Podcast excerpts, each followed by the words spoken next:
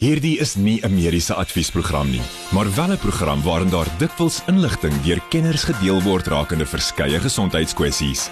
Vir persoonlike raad of advies, raadpleeg jou mediese dokter of sielkundige. Groot trauma op Groot FM 90.5.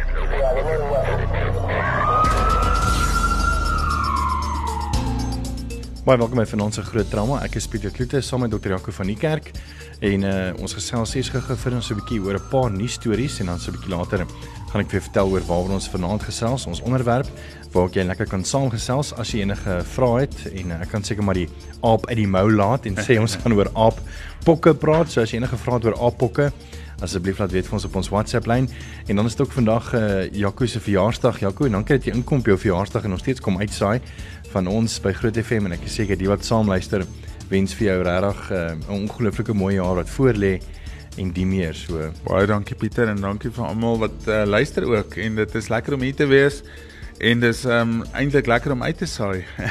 Sien niemand sê hierso baie geluk met jou verjaarsdag dokter. Mag uh, goedheid en guns deel wees van jou en mag jy altyd bewus wees van sy liefde en genade in jou lewe. Dankie vir jou harde werk. Dit kom van Marlene af. Dankie en, Marlene. Ek gaan nou weer so 'n paar boodskappe lees. Ehm um, so as jy graag 'n boodskap aan Jaco wil stuur, is jy meer as welkom. Jy het mos nou ons WhatsApp nommer al 0616104576. Onthou standaard dat dit begeld. Ja, kom ons praat 'n bietjie oor die stygings in COVID gevalle wat nou 'n bietjie afplat lyk dit vir my. Dit lyk my ons is nou deur wat uh, fase 5 of um... Ja, Pieter, hulle begin nou al tel aan 5 en ek weet nie of dit 5 of 6 is nie, maar gelukkig kan ons sê daar's 'n daar's 'n afname of 'n afplatting weer in die in die in die getalle wat elke dag gediagnoseer word. So daar was onlangs 'n toename in die koronavirus gevalle landwyd en ehm um, dit is gelukkig besig om af te plat volgens professor Cohen wat hoof van die Nasionale Instituut vir Oordraagbare Siektes is. Ehm um, en hy's hoof van die ehm um, Sentrum vir Respiratoriese Siektes. So die getal in ehm um, nuwe koronavirus gevalle ehm um, het in 8 van die land se 9 provinsies afgeneem die afgelope week. Ehm um, dis net in die Noord-Kaap waar die gevalle nog styg, maar ehm um, dit is eintlik maar dink ek regtig waar eintlik weglaatbaar klein. Ehm um, landwyd is daar in die week 20 ehm um, basies of in week 20 ehm um, 16 tot 22 Mei ehm um, 34925 gevalle aangemeld um en 'n 27.9% afname in virusgevalle teenoor die week wat week 18 was. Um so ek dink daar's regtig 'n groot groot afname in die hoeveelheid nuwe nuwe gevalle. En ek dink daar's baie daar's baie redes vir. Een van die redes is maar die aard van die saak, die inentings dink ek wat tog 'n effek het. En die ander ding is baie van die land is reeds geïnfekteer gewees en mense het nog steeds teenliggaampies wat vir jou half beskerm teen die die herinfeksie wat nou kon gebeur het. Dit was eintlik my volgende vraag aan jou gewees want ehm um, baie mense het gesê vlaag 5 gaan nou kom en ehm um, hy gaan net so groot wees soos vlaag 4 en uh, ten spyte van die van die inperkings wat so bietjie meer was ehm um, met reëls en regulasies met vlak veral met vlak 3 en so bietjie minder met vlak 4 lyk my nie dat daar enige invloed reg op ons gehad het nie ek meen as mens kyk na vlak vlaag 5 ehm um, dink jy dit is miskien ook omdat dit net 'n subvariant is van die Omicron variant dat dit nie so erg was nie want ek weet ek as mense gaan kyk al buite ek meen ons ons loop buite sonder maskers rond wat is nie gedoen ja. te vlaag 4 nie en vlaag 3 nie en tog was daai twee vlae baie erger geweest as vlaag 5 en hier soos deur dit en ons weet nie eens amper daarvan nie Ja Pieter ek dink as mens gaan terugdink vlaag 3 was waarskynlik die slegste wat ons beleef het. Um vlaag 4 was sleg maar nie so sleg soos vlaag 3 nie. En as jy gaan kyk na die getalle wat geïnfekteer is op daai stadium, getalle van mense met erge variante, ek meen die Delta variant dink ek is een wat die meeste mense um sleg gevang het, die meeste komplikasies, meeste sterftes gehad het in daai tyd. Um as jy daar geïnfekteer was en jy dit oorleef en jy's deur die ding, dink ek het jy redelike immuniteit. Um en ek dink die Omicron variant was net 'n baie swakker variant as wat die Delta variant was. En ehm um, ja, soos ek sê, ek dink die die immunisasies het 'n groot effek. Ek dink die die booster immunisasies het ook nog 'n groot effek. Maar ehm um, ek dink die grootste effek is omdat die meeste pasiënte wat reeds 'n hoë risiko is vir infeksie reeds geïnfekteer was. Net nou gaan ons 'n bietjie kyk na die nuus storie oor die DA wat die ombud wil nader oor hongerpasiënte in Kimberley se hospitaal bly. Dis gesakel daarvoor. Ons is selfs 'n bietjie later oor apokke as enige vrae het oor die nuwe uh, ek wil nie en ek sê nuwe nie want ek meen Jaco het my artikel gewys wat al reeds wys in 58 maar ja. as enige vrae het oor hierdie ons gaan 'n bietjie daaroor gesels 061 610 4576 onthou standaard tariewe geld. Groot trauma met Pieter Kloete en dokter Jaco van die Kerk op Groot FM 90.5. Ons het nou al eintlik hieroor gepraat oor hospitale wat ehm um, nie hulle pasiënte uh, met voedsel voorsien nie of dan net brood en die meer. En ons het hieroor gesels Jaco ek meen hoe belangrik is voedsel wanneer dit kom by mense se gesondheid weet? Ehm um, en ek sien nou die DA wil nou die ombud nader oor hongerpasiënte in die Kimberley Hospitaal. Ja, Pieter, ehm um, volgens dan alle gerugte en en en rapportering van die media ehm um, het die pasiënte sedert maandag wat in Kimberley Hospitaal is ehm um, honger begin ly omdat die hospitaal se diensverskaffers wat ten spesifiek dan nou vir voed, voeding en en en voedsel daar is ehm um, gestaak het en niks is afgelewer nie. Ehm um, die DA in die Noord-Kaap um het die gesondheidsdepartement genader wat dan eintlik in die begin ook ontken het dat dit die geval is maar dit is dan nou uit die aard van die saak jy weet is daar altyd 'n rookie is is daar seker maar 'n vuurtjie ook ja. um dat pasiënte letterlik hulle eie selfone moes gebruik om hulle familie te bel om vir hulle kos te bring sure. nou jy is al klaar siek jy is al klaar nie op 'n goeie plek nie niemand wil in 'n hospitaal wees nie. Veral nie 'n staatshospitaal. Definitief nie. Ehm um, maar op die beste van tye dink ek nie is 'n hospitaal 'n plek waar mense wil tyd spandeer as jy dit op 'n ander plek kan doen nie. Ehm um, maar dat dan jy nou in hierdie situasie sit waar jy eintlik meer energie nodig het om deur jou siekteproses of operasie te kom en jy het glad nie kos wat tot jou beskikking is nie of jy kan glad nie gevoed word nie. Nou sonder ordentlike voeding is jou risiko vir infeksies hoër, jou jou herstel koers gaan eintlik baie laag wees want jy gaan nie genoeg energie vir die aan mense kan gee nie. Maar aan die einde van die dag sê die gesondheidsdepartement dis weer eens dit is 'n eintlik net 'n skuif van skuld. Ehm um, dit is eintlik hulle diensverskaffers wat net nie wat net nie ehm um, opgedaag het nie. Nou die vraag is het hulle hulle diensverskaffers betaal? Jy gaan dit nooit weet nie. Die ander vraag is um, is dit 'n diensverskaffer probleem tussen die diensverskaffer en hulle werknemers of is dit 'n ding tussen die staats um, sektor of die gesondheidsdepartement en die diensverskaffers? En wat die DA eintlik net wil hê lyk dit vir my is dat daar um, gebeurlikheidsmaatreëls in plek gestel word om so iets te verhoed in die toekoms. Hmm dat die hospitaalbestuur en die gesondheidsdepartement eintlik net planne beraam, eintlik maar net 'n plan B het vir as so iets gebeur. Want hierdie goed gebeur en ons weet ons bly in 'n land waar waar stakings en hierdie tipe van van goed algemeen is. Ek dink as jy in ander eerste wêreld lande gaan, hulle ken nie stakings soos ons dit ken nie. Ehm um, so ja, ek dink net ehm um, wat wat die DA beoog is dan aan die einde van die dag om die hospitaalbestuur en die departement van gesondheid te dwing om letterlik proaktief op te tree om te verhoed dat pasiënte honger ly. En in die laaste nuus storie voor ons bietjie praat oor aanpokke. Ehm um, is 'n artikel op marulamedia.co.za oor wat my nogal stom geslaan het. Neem 'n bietjie vir my help hierso want ek weet nie wat hier aangaan nie. Maar 'n vrou sal twee keer geboorte gee aan dieselfde baba. Hoe? Ja, Pieter, dis eintlik 'n 'n 'n feel good storie kan ek amper sê nou maar in Engels. Ehm um, maar is ook 'n ding wat net dink ek in eerste wêreld lande gaan gebeur. So dis 'n ma van Florida in Amerika wat dan gehoor het haar baba seun het 'n spinaal ehm um, by of 'n neuralbase defek of 'n spinaal defek en oorspronklik is daar vir haar gesê daar gaan niks gedoen kan word vir die baba nie. Die baba gaan met hierdie abnormale spinaalkanaal gebore word en dit is hoe dit is. Sy het toe gegaan vir 'n tweede opinie um, by 'n mediese span in Orlando wat dan spesialiseer in in fetale chirurgie. So dis eintlik maar chirurgie wat gebruiker voordat die babatjie gebore word. So wat dan basies gebeur is die chirurge gaan of die fetale chirurge gaan en verwyder die baba uit die uterus herstel die defek, het sy dit dan nou 'n spinaal defek of hart defek? Daar's verskillende goed wat gedoen kan word. Baie van hulle is is ehm um, gastro-intestinale abnormaliteite. Hierdie kindertjies wat se buike nie nie mooi ehm um, toe is voor nie. Ehm um, en jy kan dan hierdie kinders gaan opereer. Jy sit hulle terug in die uterus vir die vir die volle termyn omdat jy hierdie kinders wil so lank as moontlik in die uterus hê vir longontwikkeling en longmaturasie. Um, en dat hierdie kinders dan 'n groter kans op oorlewing het met geboorte sonder hierdie defek. So wat gebeur het is, ehm um, hulle die afgelope week het hulle hierdie maag geopereer, die baba uitgehaal, die defek aan die neuraalbuis in die rugstring herstel en hom weer teruggeplaas om nog 11 weke in die baarmoeder deur te bring of in die uterus deur te bring. Ehm um, en dit lyk asof sy sê dan ook daar op haar op haar sosiale media platforms dat die dokters haar vrugwater met 'n soutoplossing vervang het wat eintlik maar soos ons ken saline is.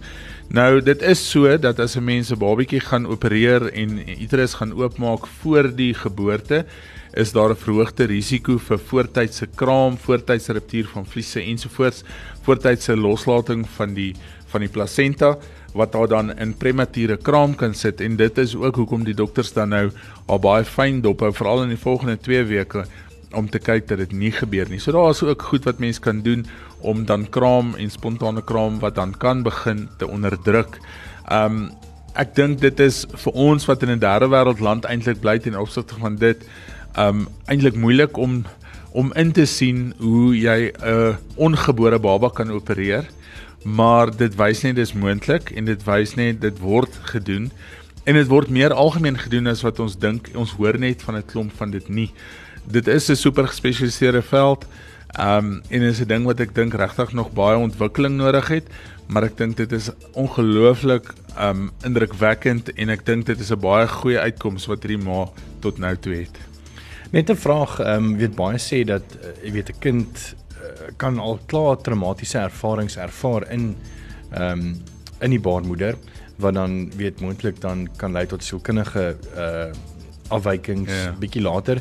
Dink jy nie dat dat so 'n uh, traumatiese, ek meen om om nog voor geboorte uh deur 'n traumatiese deur 'n groot ehm um, chirurgie te gaan nie dalk weet moontlik later in die lewe van die kind probleme kan veroorsaak psigies nie.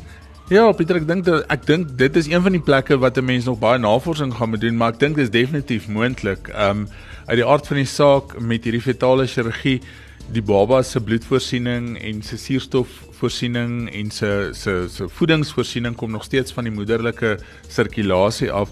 So hierdie baba se ontwikkeling is tot so 'n mate nog so dat sy sy of hy afhangend van wat wat se babatjie dit is, nog nie op hulle eie kan kan oorleef nie. So Ek dink tog daar's 'n stresrespons. Ek dink tog hierdie kinders gaan deur stres en spanning wat ons dalk nie nie kan optel nie.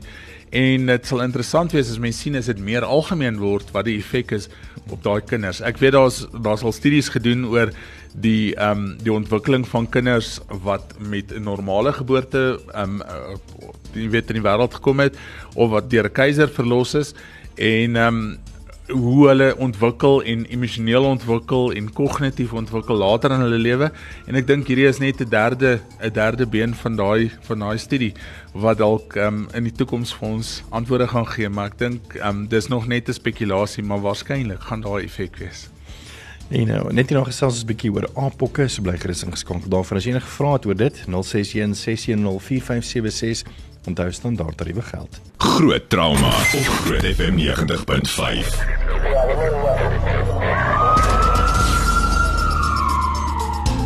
Dankie dat jy saam luister vanaand. Ons gesels 'n bietjie oor apokke.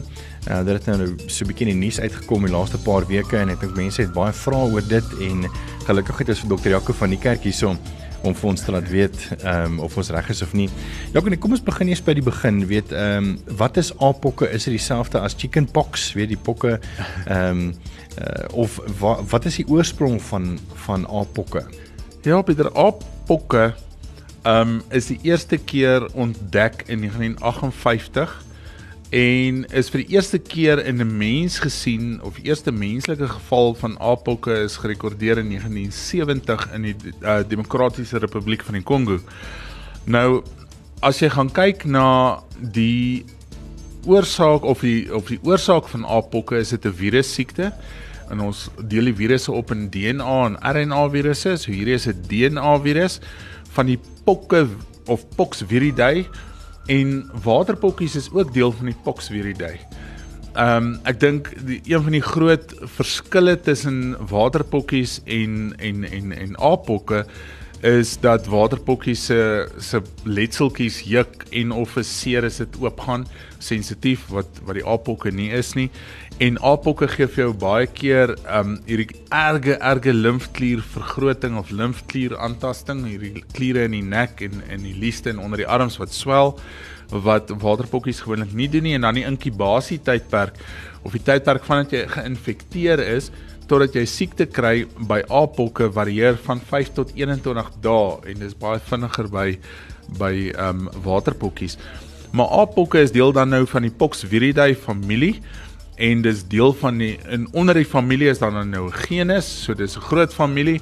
En wat ons sal nou maar basies sê die mens en onder die mens is daar dan 'n nou subtipes mense, so die subtipe van virus is die Orthopox virus. En dan onder hom is daar nou twee gesinslede wat een van Sentraal-Afrika afkom en een van Wes-Afrika. En die Sentraal-Afrika een is gewoonlik die een wat die wat die slegste siekte vir 'n mens kan gee. Nou dit is oorspronklik in die laboratorium geïsoleer daai in 1958 as is eintlik by ape wat vir navorsing gebruik is gediagnoseer of of ontdek en dis hoekom die die term aappokke daarin gegee is. Ehm um, maar dit is ver langs familie van die van die waterpokkie virus. En uh, baie mense het gesê dat ek weet nie of dit nou deel is van jou mediese mite minuut nie. So miskien moet ek eers wag dat kom ons doen eers jou mediese mite minuut en dan as dit my vrae geantwoord dan gaan ek nou nie vir jou vra nie, maar as dit nie is nie dan gaan ek vir jou vra net hierna. Tyd vir Jaco se mediese mite minuut. Ja, ehm um, ons praat nou oor aappokke, so die Wêreldgesondheidsorganisasie het gesê dat aappokke is eintlik 'n siekte wat enige iemand kan kry. Ehm um, en eh, die of 'n groot deel van die van die media blootstelling aan aan aappokke ehm um, is eintlik dat mense glo dit is net 'n gay of homoseksuele siekte. En dit is nie net nie. Jy hoef nie 'n homoseksuele um verhouding te hê of 'n gay persoon te wees om aappokke te kry nie. En um ek dink dit is een van die goed een van die mites daar buite is dat mens tot mens oordrag net is as gevolg van die feit dat jy noodwendig dan 'n homoseksuele verhouding met iemand het. Groot trauma met Pieter Kloete en dokter Jaco van die Kerk op Groot FM 90.5.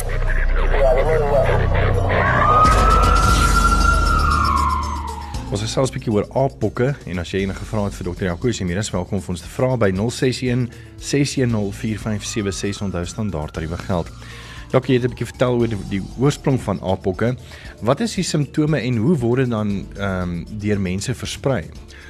Ja, Pieter, ek dink as mense gaan kyk na die Wêreldgesondheidsorganisasie, het hulle 'n baie mooi gevaldefinisie van wat hoe definieer jy die simptome en tekens van apokke en hoe diagnoseer jy dit? So hulle sê dit is 'n persoon van enige ouderdom wat dan nou presenteer met hoofpyn, koors, limfadenopatie wat dan nou eintlik net vergrote en geswelde limfkliere is, melgie wat spierpynne, gewrigspyn hierdie algemene lyfseer wat mense kry met griep ook, swakheid, rugpyn en dan 'n uitslag wat jy nie daarmee saam verwag het nie, maar wat nie verklaar kan word met iets anders nie. Nou die ander goed wat baie so lyk is varicella zoster wat gordelroos is, want onthou hierdie aappokke se se papilles of se se uitslag ontwikkel in verskillende fases. Dit begin eers net as 'n as 'n rooi kol, dan word dit 'n vesikel. In daai vesikel wat eintlik 'n 'n voggevulde blaasie is, hy lyk of hy later uitdroog en hy maak 'n ulkus binne in eintlik so halwe 'n uh, uh, indentasie of 'n induiking in sy sentrum. Hy droog uit en dan word hy so 'n korsie en dit maak dan later 'n letsel. Nou afhangend van van van ehm um, die die stadium van hierdie uitslag moet 'n mens dit onderskei van goed soos varicella zoster wat wat dan nou gordelroos is, masels en dan die goed wat ook in Wes en en Noord-Afrika en Sentraal-Afrika voorkom, goed so Zika, dengue koors, chikungunya koors, dan herpes, ehm um, primêre en sekondêre sifilis lyk op 'n stadium so Die seksueel oordraagbare siekte Chancroid lyk op 'n stadium so Molluscum contagiosum wat baie algemeen in Suid-Afrika is, um lyk ook soos een van die stadiums en dan um sommige van die bakterieële velinfeksies kan ook so lyk. So jy moet daai goed uitskakel voordat jy sê en voordat jy begin dink aan apokke omdat dit so 'n nie endemiese siekte van ons land is nie. Plus dan moet jy gaan kyk is daar 'n moontlike kontak van iemand wat met apokke in kontak kon kom? Is daar 'n uh, uh, toergeskiedenis? Is daar dalk 'n uh, homoseksuele um, omgang gewees, 'n gewoonlik man tot man omgang? En of is die persoon moontlik in kontak met een van hierdie diere gewees? Um sou jy al daai simptome en tekens hê, dan kan jy dit verder vat en jy kan dit gaan gaan toets. En nou in die begin kan 'n mens dit toets met 'n PCR of 'n PCR of polimerase kettingreaksie. Dit is op dieselfde manier eintlik as wat ook die koronavirus getoets word.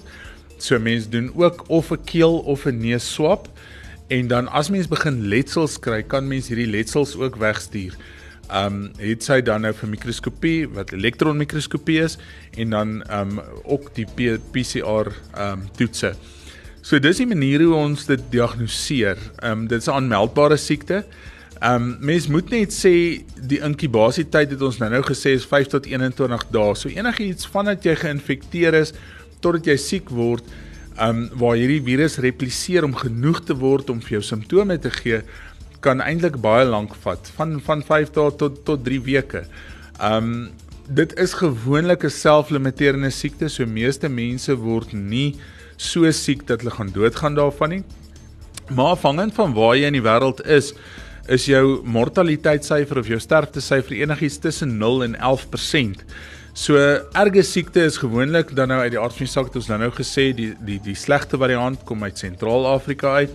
Jong kindertjies onder 5 iemand wat immuunonderdruk is, ehm um, en dan ehm um, mense onder 40 wat dan nou nog nie 'n uh, 'n waterpokkie inenting gehad het nie, want die waterpokkie inenting beskerm mens tot 'n mate. Hmm. Ehm um, teen hierdie virus ook.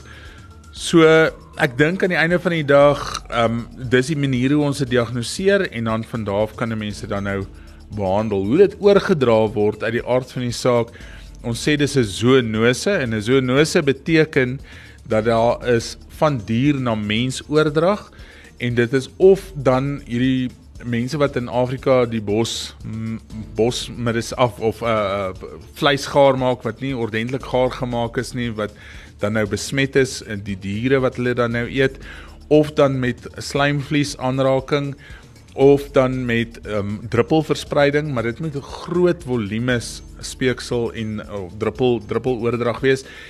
Um mens tot mens oordrag vind plaas omdat dit en ek moet sê dit is baie baie raar, maar omdat dit ook oorgedra kan word in dan liggaamsvloeistowwe, ehm um, as daar seertjies is op slijmvliese en dis waar die hele storie vandaan kom waar ons nou in die oor die mite ook gepraat het dat dit dan gestigmatiseer word baie keer as 'n homoseksuele siekte, um, omdat daar baie gevalle is waar man tot man seksuele kontak ook dan um, die oordrag van hierdie virus dan aangehelp het. Ehm um, so ek dink dis maar die groot groot ehm um, redes van van oordrag of groot maniere van oordrag. Maar mens tot mens oordrag is baie rar en jy moet groot volumes of groot hoeveelhede van hierdie virus ehm um, in kontak mee kom vir langtermyn om regtig siek te word daarvan.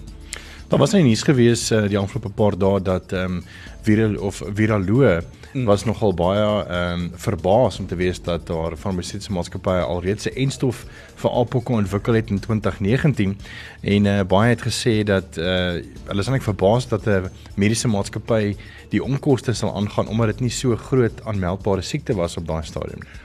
Ja, en ons het dan nou voor die voor die program ook daaroor gepraat. Ek dink as ons gaan kyk wanneer is die apokke die eerste keer ontdek 1958 rukkie later is is HIV ontdek en is op dieselfde manier oordraagbaar.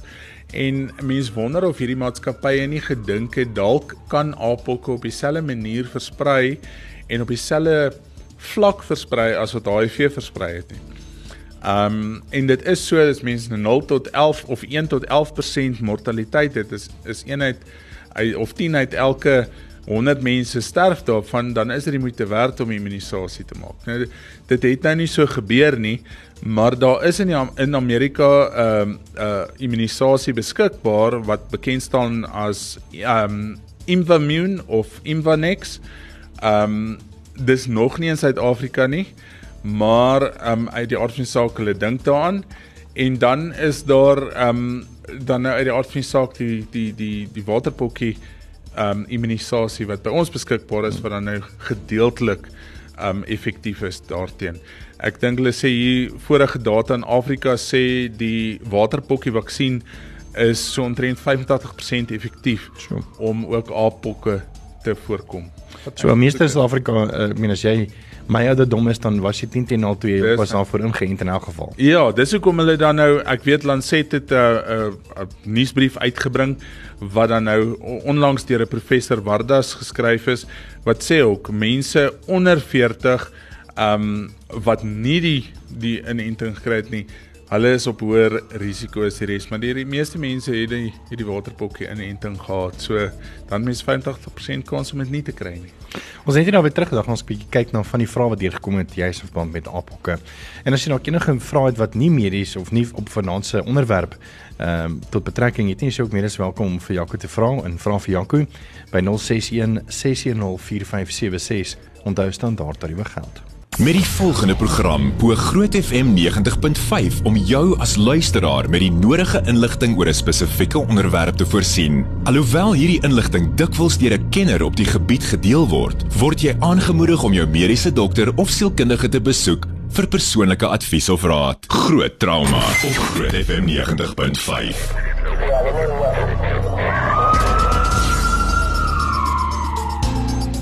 Ons het vroeër gesels oor apokke en ehm um, daar's 'n paar vrae wat hier gekom het en ons gaan 'n bietjie kyk daarna. Ehm um, iemand sê iemand vra hyso Jaco, hoe weet 'n mens mense is ingeënt as jou ouers miskien ook nie vir jou gesê het jy's ingeënt nie?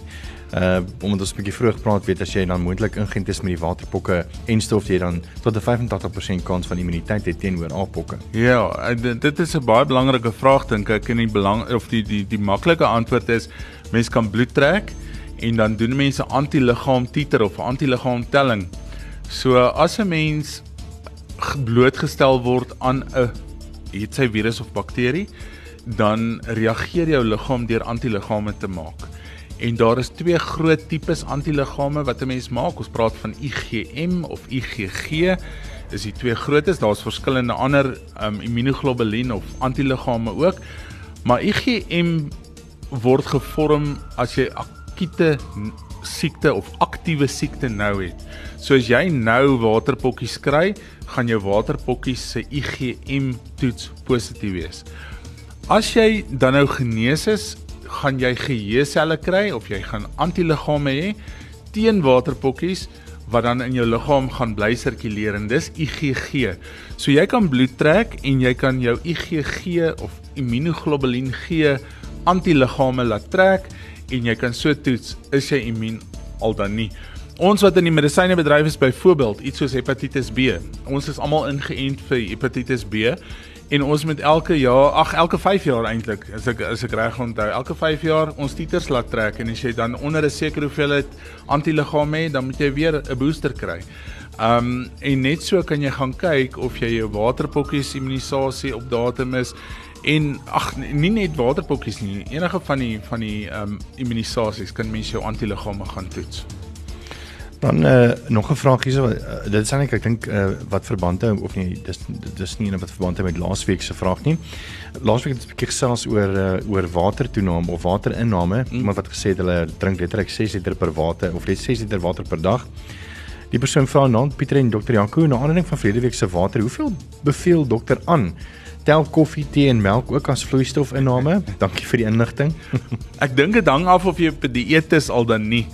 Die meeste van die mense wat op hierdie op hierdie vinnige verlies dieet programme is, ehm um, gaan vir jou sê koffie, tee en melk tel nie as deel van jou daaglikse inname van water nie, maar dit tel wel as vloeistofinname. OK. Ehm um, so dis dis belangrik. Ehm um, Wat is genoeg water?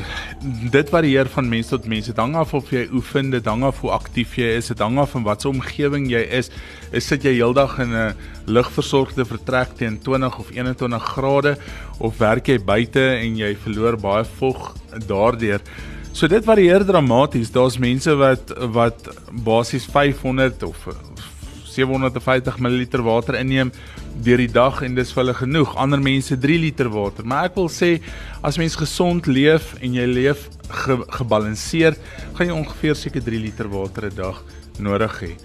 Um vloeistowwe, al die vloeistowwe, um al die vloeistowwe wat jy inneem is vloeistof. As ons iemand in 'n hospitaal opneem en jy wil hulle in stand hou met vog, dan gee ons hulle 10 ml per kilogram per uur. Kinders enigiets tussen 10 en 20 um milliliter per kilogram per uur, maar dan hou ons ook hulle urine produksie dop. Dan moet jy 0,5 tot 1 milliliter per kilogram per uur urine ook produseer. Anderster is daai vogbalans nie reg nie. So ek dink dit gaan oor vogbalans en dis hoekom ek sê dit varieer tussen mens tot mens um hoeveel water regtig vir jou gesond is.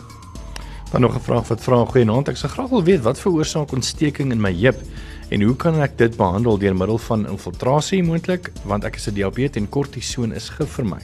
Ja, ek dink dit daar's 'n paar belangrike goed ook vrae gesê word. Een is die definisie van ontsteking. Nou ontsteking kan wees of 'n infeksie of inflammasie. As dit infeksie is, is dit 'n aard van sake bakterieële ding en met diabetes is dit 'n gemors. Maar gewoonlik is die ontsteking wat die meeste mense van praat meer 'n inflammasie respons.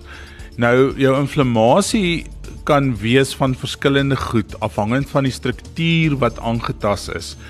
Ehm um, dit kan wees vroeë artritis, dan gaan infiltrasies nie werk nie, dan gaan dit gewoonlik maar ehm um, een of ander ortopediese prosedure nodig wees.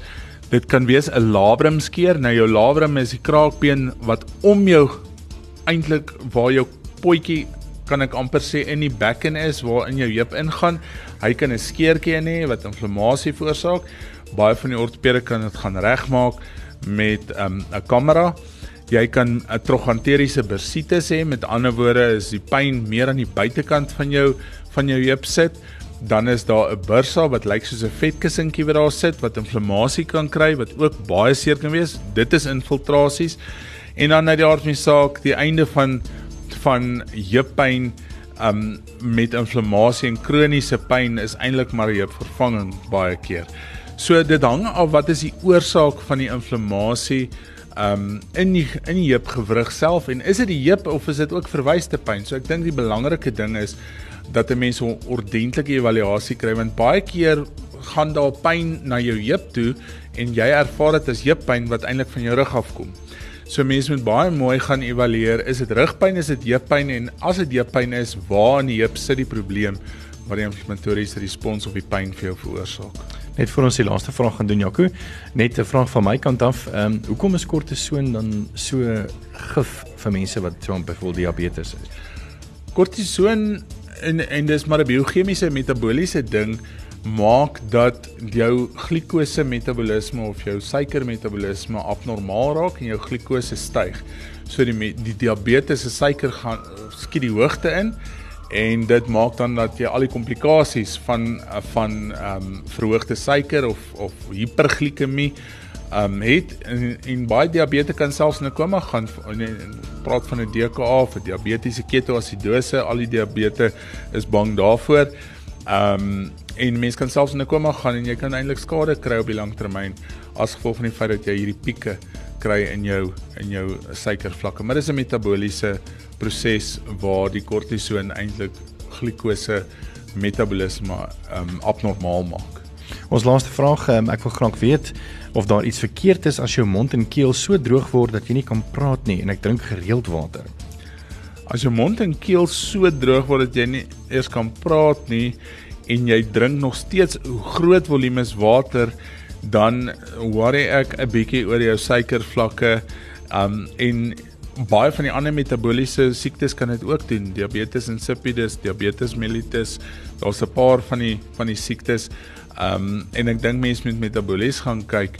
So daar's definitief um iets wat abnormaal is as jy heeltyd dors is en tog gereeld en goeie water en voginname het. En dit moet gesoek word. Dis nie altyd 'n maklike antwoord nie. Baie keer trek ons bloed en ons kry nie die antwoord nie en dan gaan jy nou jou tweede jou jou, jou plan B toe. So baie keer selfs in 'n hospitaal vat dit 'n week en langer selfs om 'n om 'n mooi antwoord te kry. So dis nie altyd 'n maklike antwoord op op dag 1 nie, maar 'n mens gaan kyk na die algemene goed wat metabooliese abnormaliteite is. Wat is jou soutvlakke, jou natriumvlakke, jou kaliumvlakke? Want jou lyf gaan probeer om daai vlakke te normaliseer deur jou voginname. Dis ongelukkig al waarvan ons tyd het. Um, ek sien ons nog twee mense wat vrae deurgestuur het. Um, ek dink is Elsie en nog iemand as jy miskien nog daai vraag wil hou en dit vir ons volgende week sommer aan die begin van die program uh, stuur, dan uh, kan Jaco dit miskien ook aan die einde ook vir julle antwoord op daai vraag gee. Dis dit vir groot drama. Jaco, weer eens dankie dat jy ingekom het by jou verjaarsdag en alles wat mooi is vir die volgende jaar en ons dis is reg dankbaar dat jy deel is van die program. Baie dankie Pieter, lekker om hier te wees. Groot FM 90.5 I'm with you. I'm with you. Grootste FM in Pretoria.